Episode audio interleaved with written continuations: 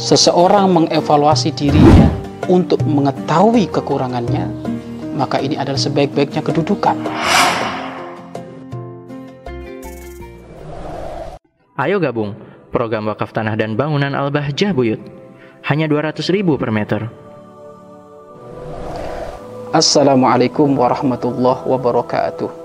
Alhamdulillah wa syukrulillah wa la hawla wa la quwata illa billah amma ba'd.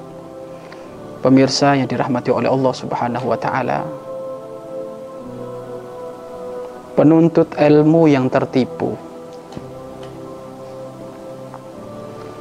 Jangan sampai tertipu hanya mendambakan ilmu namun tidak rindu untuk mengamalkannya.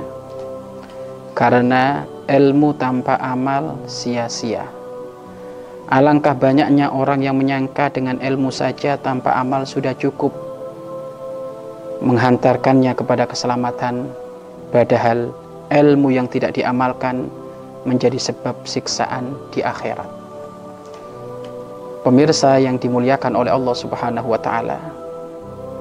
Penuntut ilmu yang tertipu. Siapa mereka? Mereka adalah orang yang merasa dirinya cukup dengan ilmu yang ia hafal.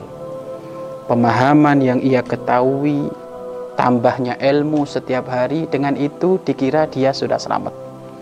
Memang kemuliaan orang menuntut ilmu tidak diragukan Kemuliaan orang menuntut ilmu tidak diragukan apa pun yang ada di muka bumi ini, bahkan ikan-ikan yang ada di lautan, yang ada di lautan mereka semuanya mendoakan pengampunan untuk penuntut ilmu.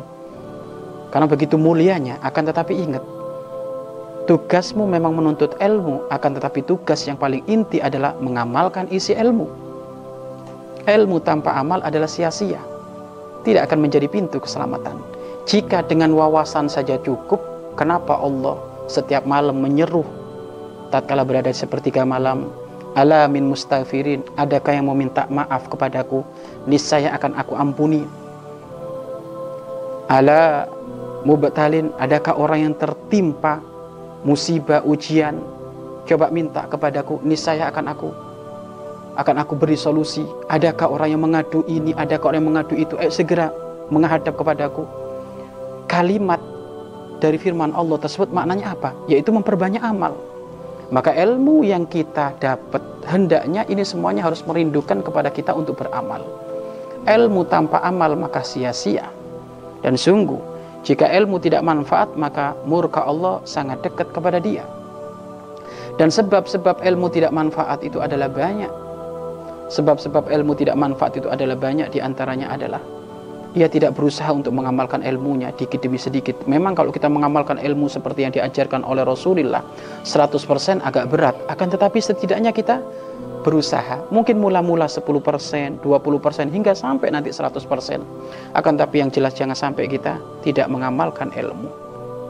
Bahkan sampai disebutkan disebutkan oleh baginda agung Nabi Muhammad sallallahu alaihi wasallam bahwasanya Siapa orang manis dada ilman walam yasdad huda lam yasdad minallahi illa bu'da. Tambah ilmu lah kok nggak tambah insyaf, nggak tambah amal. Maka orang yang seperti itu bukanlah orang yang dekat kepada Allah melainkan dirinya jauh dari Allah Subhanahu wa taala. Ilmu yang dikaji setiap hari, tapi suruh nambah sujud angel. Suruh nambah baca Al-Quran angel, suruh bangun malam angel, suruh sholat berjamaah angel. Setiap hari diskusi ilmu terus. Ilmu apa yang nggak dikuasain? Alfia Ibnu Malik, ilmu mantek, tafsir Al-Quran, balago. Waduh ini di otaknya sudah penuh. Akan tapi itu semuanya tidak merindukan dirinya untuk beramal, maka ini musibah ini. Musibah. Bisa jadi dia terbuai dengan kalimat, eh nuntut ilmu itu sudah pahalanya gede, jadi nggak perlu beramal. Wah ini tertipu ini. Dan memang kata Imam Ghazali rahimallahu taala banyak orang-orang tertipu di dalam urusan kebaikan merasa dirinya ahli surga, sudah hebat tak taunya ahli neraka. Ya di antaranya ini penuntut ilmu nambah ilmu terus tapi nggak mudah mengamalkan. Ingat loh, tambah ilmu nggak tambah insyaf nggak tambah amal berarti dia bukan semakin dekat kepada Allah melainkan bukda jauh dari Allah Subhanahu wa taala. Pemirsa yang dirahmati oleh Allah Subhanahu wa taala. Berapa kali kita sehari mengaji? Ada orang setiap hari Masya Allah setiap waktu dia mengaji. Karena ada kemudian teknologi, media, setiap hari dia mengaji. Akan tapi ketahuilah hikmah intisari dari ngaji itu tersebut apa amal karena amal itu termasuk adalah insafnya dirinya insafnya hatinya di dalam memahami ilmu sehingga dari keinsafan itu menggerakkan anggota tubuhnya untuk beramal sesuai ilmu yang dia ketahui maka hati-hati nerakanya orang yang punya ilmu tidak diamalkan lebih berat, lebih parah daripada nerakanya orang penyembah berhala. Penyembah berhala itu, oh dosanya nggak karu-karuan. Tapi ada lagi yang lebih sadis daripada itu. Apa? Orang alim yang ilmunya nggak manfaat. Ngerti haram, doyan. Ngerti riba haram, dimakan. Zolim tidak boleh, malah dia mengamalkan. Maka hati-hati.